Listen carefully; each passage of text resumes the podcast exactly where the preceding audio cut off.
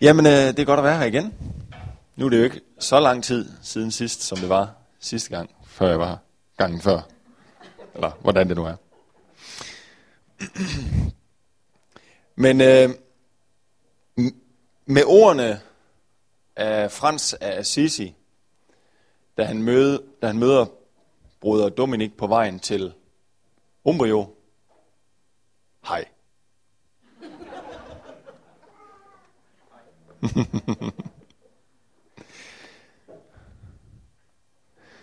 Jeg kunne godt tænke mig at øh, læse noget her fra, øh, fra skriften sammen med jer.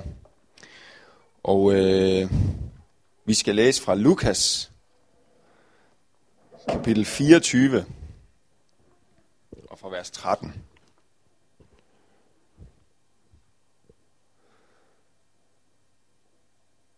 Men samme dag var der to af disciplene på vej til en landsby, som ligger 60 stadier fra Jerusalem, som hedder Emmaus. Jeg tror egentlig, inden vi lige læser beretningen her, så kunne jeg godt tænke mig lige at give lidt baggrund for den her beretning, vi kommer ind i. Det er umiddelbart efter Jesus, han er blevet øh, taget til fange, og er blevet korsfæstet, og øh, så ligger i graven. Prøv at forestille dig, hvis du nu har været en af de her disciple her, som har valgt at følge Jesus. På et tidspunkt i dit liv, så hørte hørt om ham her, øh, profeten her, der tager rundt og prædiker i hele Israel. Og øh, du begynder at få fornemmelsen af, at det kan være, det er ham, der er Messias. Og øh, tankerne om Messias var jo, at det var ham, der ligesom skulle tage øh, romerne, som havde besat Israel på det tidspunkt. Israel var besat af romerne. At han skulle tage romerne og smide dem ud af Israel. Og øh, Jesus, han er i gang med sin tjeneste, han, han er i gang med at helbrede de syge og gør alle mulige undergærninger. Så der er ligesom et momentum, der har bygget sig på et eller andet tidspunkt, hvor man får fornemmelsen af, hov, her er der en helt speciel sendt af Gud. Han kan noget helt specielt. Må ikke det er ham, som skal smide romerne ud.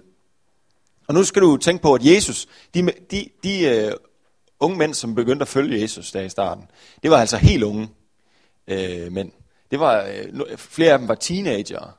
Uh, så Jesus han startede sådan en helt ungdomsbevægelse. Og det jeg forestiller mig, når jeg tænker på de der unge mænd, der begyndte at følge Jesus, det var, at de har sikkert tænkt, okay, hvis det er ham, der kommer til at smide romerne ud af Israel, og så han sætter sig på tronen og skal være sådan en ny David-konge der, så har han jo brug for en udenrigsminister.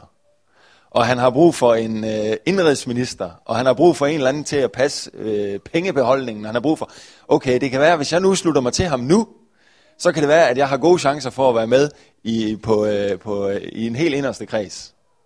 Tit så har vi sådan en søndagsskoleforestilling af, at de kommer her, så har de sådan helt salige motiver, og der er en, en, en eller anden glorie over dem, og de, de, oh, de føler et kald. Jeg tror også, at de har sådan tænkt, okay, hvis, hvis det bliver ham, så kunne jeg godt tænke mig at være med der. Helt øh, tæt på, ikke? Og øh, så sker der jo det, at de følger ham, og i starten der ser det rigtig godt ud, der er momentum, der bygges op. Der er flere tusind, der kommer og lytter til Jesus, ikke? Og så begynder Jesus at sige nogle kontroversielle ting. Han begynder at sige, dem som spiser mit, øh, mit øh, lame og drikker mit blod, de har ikke del i mig. Og når Jesus begynder at holde de der prædikner der, så begynder der at være færre og færre, der gider at komme og lytte til ham. Okay? Kan I huske den øh, historie, hvor han lige har sagt det? Så står han der, der, der står at de der mange tusind, der stod og lyttede til ham, de er alle sammen forladt ham, fordi de blev forarvet over det, han sagde. Spis mit blod, drik mit, eller spis mit kød og drik mit blod. Det lyder ret absurd, ikke? Og så står der de her, øh, de her få 12 tilbage, de står om bag ved ham. Og så siger han, vil I også forlade mig? Og så siger de de virkelig trostyrkende ord, de virkelig passionerede ord. Vi har ikke noget sted at gå hen. Og der er en anden, der siger, vi kan lige så godt dø med ham. Jeg tror, de tænker, at vi har forladt alt. Vi har øh, forladt vores øh, fiskevirksomhed, og vi har øh, gået offentligt rundt med ham. Vi har ligesom, det, nu kan vi lige så godt bare, øh, vi har ikke noget sted at gå hen, vel? vi kan ikke gå hjem til mor. Vi, kan ikke, øh, vi, kan ikke, vi har sat alting på et bræt her. Så nu kan vi lige så godt bare følge ham i døden. Så, så det er jo virkelig fantastisk. Så sker det at de kommer ind i Jerusalem og alt det her. Jesus bliver taget til fange, Jesus bliver korsfæstet, og Jesus dør. Her er det, du har sat dit alt på. Du har fulgt med ham i tre år, du har sat alt på et bræt. Du tænkte, nu sker det. Og så hvad sker der? Han bliver korsfæstet, og han dør. Du har dit ry og dit rygte, dit, alt hvad du havde, har du sat på det bræt der.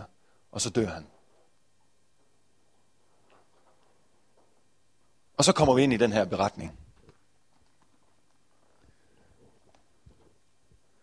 Men samme dag var der to disciple på vej til en landsby, som ligger 60 stadier fra Jerusalem og hedder Emmaus. De talte med hinanden, de talte med hinanden om alt det, der var sket. Og det skete, mens de gik og talte sammen og drøftede det indbyrdes. Der kom Jesus selv og slog følge med dem. Men deres øjne holdtes til, så de ikke kunne genkende ham. Han spurgte dem, hvad er det, I går og drøfter med hinanden? De stansede og så bedrøvet ud. Og den ene af dem, Kleofas, hed han, svarede, er du den eneste tilrejsende i Jerusalem, der ikke ved, hvad der er sket i byen i disse dage? Hvad da? spurgte han. De svarede, det var det med Jesus fra Nazareth, som var en profet, mægtig i gerning og ord over for Gud og hele folket, hvordan vores ypperste præster og rådets herrer havde udleveret ham til dødsstraf og korsfæstet ham. Og vi havde håbet, at det var ham, der skulle forløse Israel. Men til alt dette kommer, at det i dag er tredje dagen, siden det skete. Og nu har nogle af kvinderne iblandt os øh, forfærdet os. De var øh, tidligt i morges ude ved graven, men de fandt ikke hans læme, og kom tilbage og fortalte, at de i et syn havde set en engel, som sagde, at han lever. Nogle af dem, der er sammen med os, gik så ud til graven og fandt det sådan, som kvinderne havde sagt, men han selv så de altså ikke. Da sagde han til dem, I uforstandige, så tungnemme til at tro på alt det, profeterne har sagt. Skulle Kristus ikke lide dette og gå til sin herlighed? Og han begyndte med Moses og alle profeterne og udlagde for dem, hvad der stod om ham i alle skrifterne. De var næsten fremme ved den landsby, de var på vej til, og Jesus lod, som om han ville gå videre. Men de holdt ham tilbage og sagde, bliv hos os. Det er snart aften, og dagen er allerede gået på held. Så gik, de, så gik han med dem ind for at blive hos dem. Og mens han sad til bord sammen med dem, tog han brødet, velsignede det, og brød det og gav dem det. Der åbnede deres øjne, og de genkendte ham. Men så blev han usynlig for dem, og de sagde til hinanden, brændte vores hjerter ikke i os, mens han talte til os på vejen og åbnede skriften for os. Og de brød op med det samme og vendte tilbage til Jerusalem, hvor de fandt de elve og alle de andre forsamlet.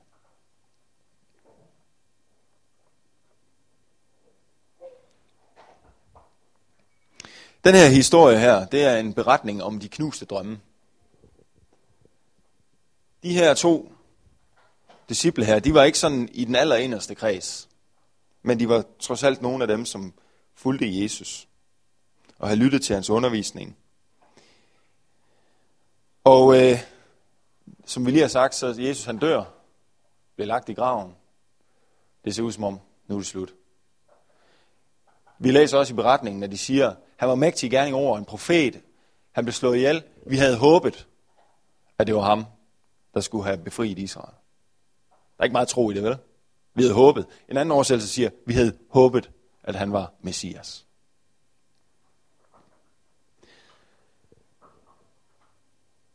Så skuffelsen, den har sat ind. De knuste drømme, forventningerne, alt det, de havde oplevet, var ligesom slut på en dag. Og øh, så kommer de her kvinder her og siger, at de har set, hørt en engel, der siger, at Jesus er opstået. De kan næsten høre det i deres måde at sige det på. Og så de her kvinder her, de kommer og siger, hvad du siger, at hans læme er væk, og de siger, at de har set en engel. Vi sendte nogle mænd derud. Ja, det er rigtigt. De fandt også ud af, at hans læme var der ikke, men de så nu ikke noget. De hørte nu ikke nogen engel. De så ikke nogen ting. Der er lidt skepsis, synes jeg. Og hvad ved de? De vil tilbage til Emmaus. De vil tilbage dertil, hvor de kom fra. Ud af Jerusalem. Væk fra ydmygelsen. Væk fra alt det der. Og tilbage dertil, hvor de kom fra. Ud til landsbyen. Ud til Emmaus. Der står samme dag. Det er jo ikke noget med, at ah, vi venter lige og ser, hvad der sker.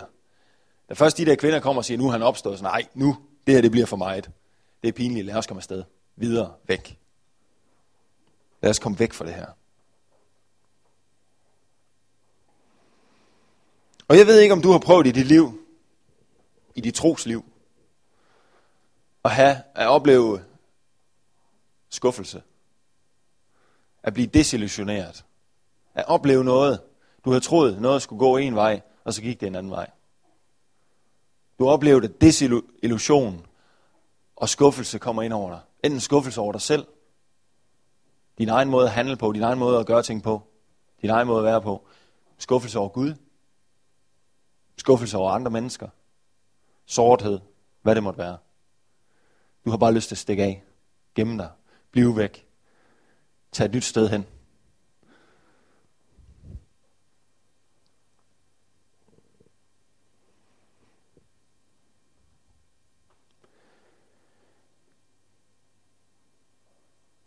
Ikke nok med det, de her to disciple, de har også mistet en, som de holder af. Jesus har de fulgt i tre år, og så dør han. På brutal vis bliver han slået ihjel. Så der er også en dimension af, af sorg, af det at have mistet. Hvordan kunne Gud tillade det? Hvordan kunne det ske? Hvor er Gud henne i alt det her? Glem det. Jeg vil tilbage til Emmaus. Glem alt det der. Midt i alt det. Og de går der og diskuterer med hinanden alt det, der er sket. Og jeg tror ikke, det har været en særlig trostyrkende samtale, de har haft. Så kommer Jesus og går sammen med dem. Og der står, at deres øjne holdes til. De kunne ikke genkende ham. De kunne ikke se, hvem han var. Om det var, fordi han kom i en anden skikkelse eller hvad, det ved jeg ikke, det siger teksten ikke noget om, men der siger, de var, eller om det var deres skuffelse, eller det var deres et eller andet, der forblindede dem. Det ved jeg ikke, det siger teksten ikke noget om. Om det var Gud, eller om det var deres indre, der gjorde det, det ved, det ved vi ikke. Men der står, at Jesus han kom og vandrede med dem. Og det fantastiske ved Jesus, og, og det er den måde, jeg læser Bibelen på. Jeg prøver altid at spejde efter, når jeg læser en, i, i, i Bibelen, så prøver jeg altid at spejde efter, hvad siger det her om Guds hjerte? Hvad kan jeg lære ud fra den her tekst om Guds hjerte? Hvad kan jeg lære ud fra den her tekst om Guds indstilling til mig? Om Guds følelser for mig? Om Guds tanker for mig? Hvad, hvad siger teksten om, hvem Gud er? Og Jesus kommer og vandrer med dem. Lige der på øh, skuffelsens vej. Lige der på flugtvejen. Lige der, hvor de er på vej væk fra alt det der. Der kommer Jesus og går med dem. Og han spørger, hvad, hvad er det, I snakker om?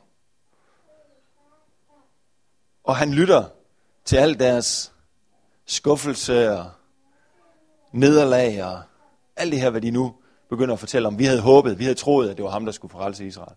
Vi havde håbet på det, og han lytter til dem.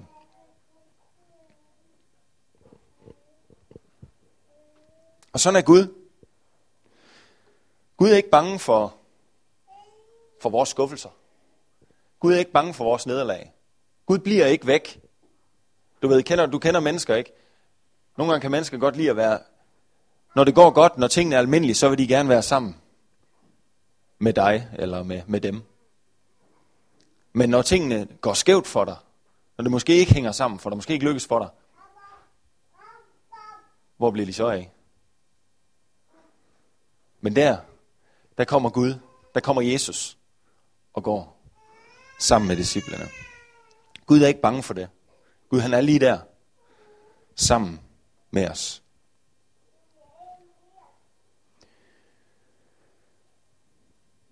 Og han tager dem igennem, han åbner skriften for dem, han tager dem igennem og fortæller, skulle, var det ikke meningen, det skulle ske? Hvorfor var det ikke meningen, at det her, det måtte ske?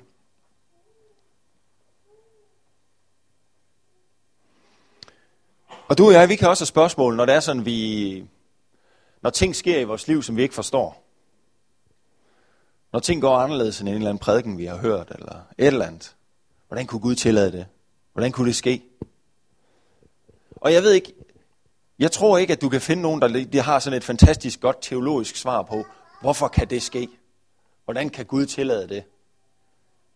Men, jeg ved ikke, jeg tror, at når vi lever i en verden, hvor vi, vi har fri vilje alle sammen, jeg kan lige nu gå hen og trampe dig gevaldigt hårdt over tæerne, hvis jeg vil. Lige nu kunne jeg gå hen og slå en, hvis jeg ville det. Jeg gør det ikke, bare roligt. Men det kunne jeg jo. Ikke? Og i sådan en verden, der vil der jo ske ting. Der vil der være ting, der rammer os. Øhm, fordi sådan er verden sat sammen. Er der en stor mening med det? Nej. Hvis jeg gik hen, øh, jeg gik helt græsat, og jeg begyndte at slå en eller anden hen. Vil der være en stor mening med det? Nej. Hvordan kunne Gud tillade det? Jeg har en fri vilje. Jeg kan gøre ting. Og, og jeg tror ikke altid, der er en stor forklaring på. Jeg kan huske første gang, som jeg er helt ung præst, så skulle, var der en, øh, da, en dame, som lige var kommet til menigheden. Hun blev frelst på, øh, jeg havde holdt sådan nogle foredrag nede i den lokale øh, New Age forretning. Ja, de havde spurgt, om jeg ikke ville holde, fortælle om, øh, holde foredrag dernede. Og det havde jeg så sagt ja til, så jeg var nede og fortælle om Jesus. Og bede for nogle mennesker dernede. Og hun var så begyndt at komme i kirken, sammen med hendes øh, voksne datter. Og kort tid efter, at hun er begyndt at komme i kirken, så dør hendes mand. Øh, han, var, han var 60 måske. E, måske ikke engang helt 60. Han går ud i skov, han har, har, de bor lige nede af skoven. Han havde været ude og ordne noget i haven. Han havde fyldt trillebøren med, med noget haveaffald, og så ville han gå ud i skoven og øh, øh, vælte ud et eller andet sted. Så går han ud i skoven, og han kommer aldrig tilbage igen. Politiet banker på døren og viser hans kørekort, at det er din mand, ja. De har fundet ham ligge ude i skoven. Hvad er meningen? Hun lige mødte Jesus. Og så falder manden død om. Hvad siger du så, når du kommer som helt ung præst? Nogen af 20 år. Tænker, nu skal jeg ud og trøste. Hvad siger du? Ingenting. Du lytter bare. Du siger, jeg kan godt forstå det. Jeg ved heller ikke, hvad meningen er. Men jeg ved, Gud han elsker dig. Du siger ikke rigtig noget. Du er der bare.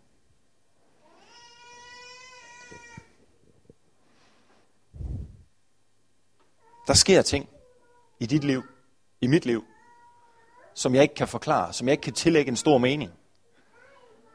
Men Jesus, han kommer og vandrer med mig lige der. Lige der, hvor skuffelsen er. Lige der, hvor sårheden er. Lige der, hvor øh, mit eget nederlag måtte være. Lige der, der har han ikke berøringsangst. Der er han ikke fjern. Der sidder han ikke og observerer mig, bare for at se, hvordan jeg nu handler. Der er det ikke en eller anden test, han kaster ned over mig, og så sidder han og kigger, hvordan klarer Mads nu den her. Der vandrer han med mig. Han tør at gå sammen med mig, der hvor jeg er pæn, der hvor jeg er, som folk gerne vil, vil have, jeg skal være, men han tør også at vandre med mig, der hvor jeg ikke er så pæn, og ikke er, som folk gerne vil have, jeg skal være. Hmm? Og så står han åbner skriften for dem. Der i vers 17, der står der, at de havde bedrøvelse, de så bedrøvet ud, ikke? Der er en engelsk oversættelse, hvor der står, at de havde, they had sadness written all over their faces. Altså, de var virkelig nedslået. De var virkelig, de må have hængt med næbet. We had hoped it was the Messiah. Vi håbede, at det var Messias, men nej. De knuste drømmen. Så kan jeg godt lide, at der, hvor de nærmer sig øh, øh Emmaus, så står der, at Jesus lod, som om han ville gå videre. Sige, kan Gud lade som om? Ja, Jesus lød som om han ville gå videre. Og jeg forestiller mig, der er sådan lidt et øh, kærlighedsspil i det her. Ikke? Man kunne næsten forestille sig, ligesom når øh, en, en mand søger en kvinde, eller leder efter en kvinde, ikke, så spiller lidt kostbar og lader som om. Jesus, han, han vil se, han vil, han, der, der er et eller andet her, han vil have, at de siger, bliv hos os. Fordi de, de, senere, da, de, da han åbenbarer sig for dem, så står var det ikke som om vores hjerter brændte i os, da han talte til os. De vidste ikke, det var Gud. De vidste ikke, det var Jesus. Men de kunne mærke, at de blev opmuntret. De kunne mærke, at der var noget ved hans nærvær, der gjorde, at de blev styrket, de blev opmuntret. Trods nederlag. Det ændrede ikke på omstændighederne. Men de kunne mærke, her var Gud var der. Hans trøst var der. Så de siger, bliv hos os. Og så står der, han bryder brødet, og så kan de se det ham. Og jeg synes, det er fantastisk, at det er lige der i nadveren, det er lige der ved korset, det er lige der, at Jesus åbenbarer sig. At han tog lidelse, vores lidelse på sig, at han døde for vores skyld. Der i nadveren, det er der, han åbenbarer sig.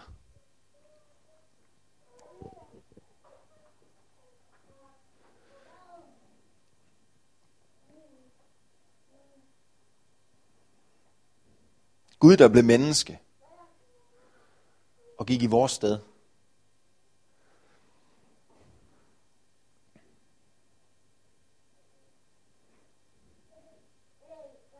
Og det fantastiske er, at det, han åbner skriften for dem, han fortæller dem en masse ting. Men det er i mødet med Gud, det er i mødet med Jesus, at, det, at hvad hedder det, den her fornyelse sker i deres indre.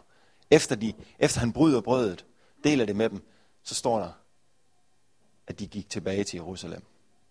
De havde et møde med Gud.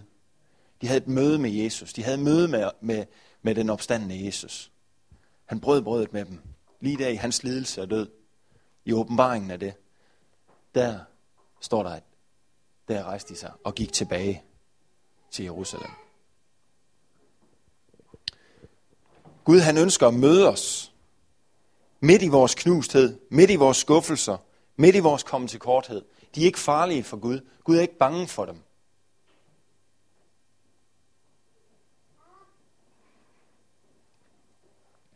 Og det kan være, at du sidder her i dag og tænker, Gud, han, hvad kan Gud bruge mig til? Jeg er ikke en særlig stabil kristen.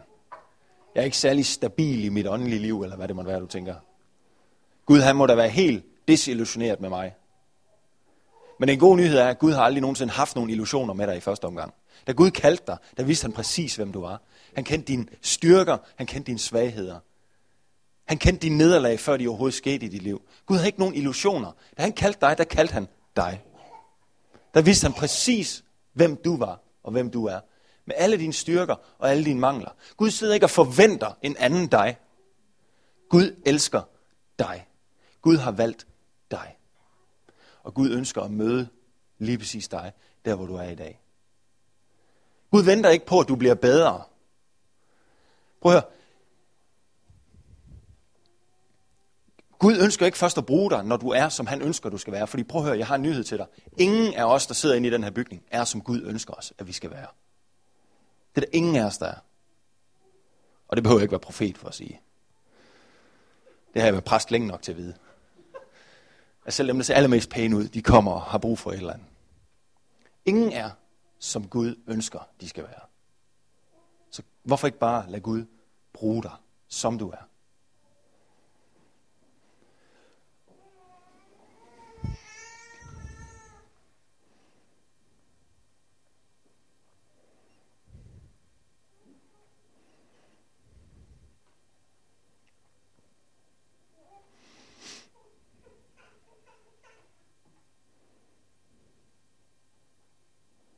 Jeg kunne godt tænke mig, at vi, at vi her til sidst, at vi alle sammen prøver at, at lukke vores øjne. Og så menonitterne, det var sådan en gruppe kristne, som havde, og de havde sådan et udtryk, at de, de talte om, at hvis man, når man når lukkede sine øjne, og så, så prøv at, at øh, øh, møde Jesus i dig. Jesus bor i dig ved troen i vores hjerter, står der. Så prøv at møde Jesus i dig. Og den her gang, når du lukker øjnene og, og, og sætter dig til at vil møde Jesus lige der, så lad være med at love ham noget. Lad være med at love ham, jeg skal nok blive bedre. Lad være med at, at, at, alt muligt. Bare møde Jesus, fordi han vil møde dig, som du er. Prøv bare at lukke dine øjne og møde Jesus, som du er. Om du ønsker at blive bedre i dit liv, om du ikke har nogen som helst planer om at ville blive bedre, Jesus elsker dig og ønsker at møde dig lige der, hvor du er.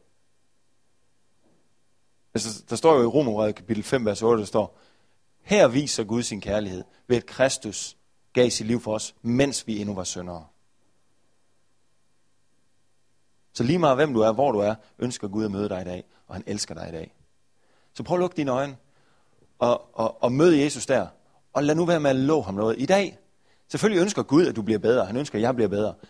Men det er ikke en betingelse for, at han vil møde dig.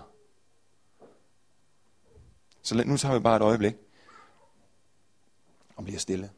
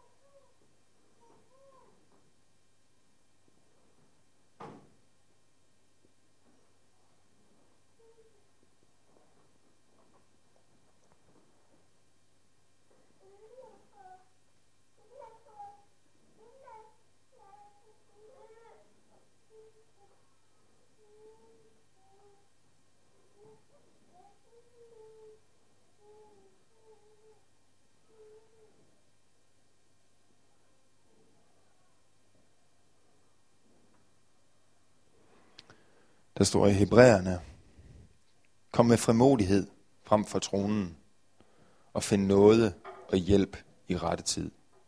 Det her, det er rette tid. Kom med frimodighed.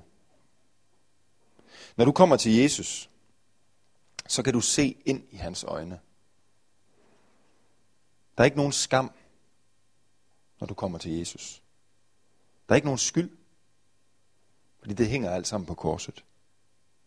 Når du kommer til Jesus, så kan du se ind i hans blik. Du kan se ind i hans øjne, uden at se ned. Der er ikke nogen grund til at se ned, fordi han på korset har båret din søn og din skam. Så han vil, at du ser ham ind i øjnene, ind i hans blik. At du ser hans hjerte for dig. Hans kærlighed til dig. Som du er. Ikke som du burde være, men som du er. Som du er i dag. Som du var i går. Gud elsker dig 100%. Der er ikke noget, du kan gøre eller har gjort, der kan få ham til at se bort, til at se væk. Som jeg sagde, Gud har ikke nogen illusioner med dig. Han kender dig. Og han vil, at du skal se ind i hans blik. Slip din skyld lige der. Slip din skam. Tag imod hans anerkendende blik. Der står i den der velsignelse, må Herrens ansigt lyse over dig. Det, det betyder, det er som en mor, der ser på et spædbarn.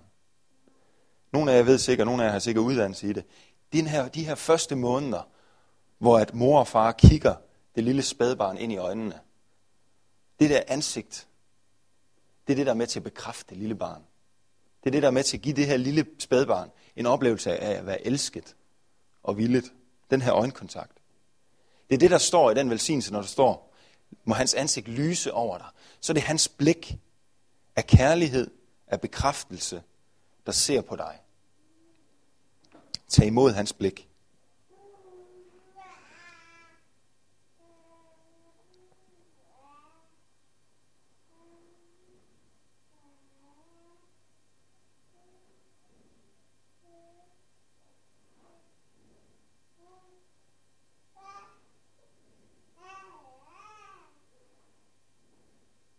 Far, vi takker dig for din kærlighed til os. Og far, vi beder om her, at vi må blive rodfæstet og grundfæstet i den. Gud, vi beder dig om, at vi må få lov til at, at uh, erkende mere af, hvem du er. Og tak her, at, at uh, når vi ser ind i dig her, så forvandles vi af det, vi ser. Her, det billede af Gud, vi har, det bliver vi selv. Og Gud, jeg beder om, at du må, du må åbenbare dig for os. Og jeg beder om, at du må forme os. Tak, at, at ved at elske mig, så har du gjort mig elskelig. Ved at elske os, så har du gjort os elskelige. Fordi du, du elskede først. Så far, vi, vi den her dag, der tager vi imod din kærlighed. Og vi beder om her, at den skuffelse, her, de ting, som livet måtte ramt os med, hvor, hvor, hvor vi kan spørge, hvorfor, her Jesus, må du, tak at du kommer og møder os lige der. Og tak, at vi må få lov til at se dig lige der. Det takker vi dig for. Og far, jeg vil også bare bede for den her menighed her. Jeg takker dig for den her kirke. Tak her for det lys, du har sat dem til at være i den her by. Og Gud, jeg takker dig for, at, øh, at, at de bare er et rummeligt fællesskab her. Et kærligt fællesskab her. Et sted, hvor der er plads. Og far, jeg beder om, du bare vil sige dem ind i den plan, som du har for dem. Og det beder jeg også for den enkelte her. I Jesu navn. Også dem, som måtte gå igennem nogle vanskeligheder nu. Her, jeg beder om, du, du velsigner dem. Dem, som også måtte i, i deres øh, øh parforhold må have vanskeligheder. Tak, du, du styrker dem og velsigner dem der. Tak, du vil møde dem lige der. Gud, vi velsigner øh, dit folk på det her sted. Amen.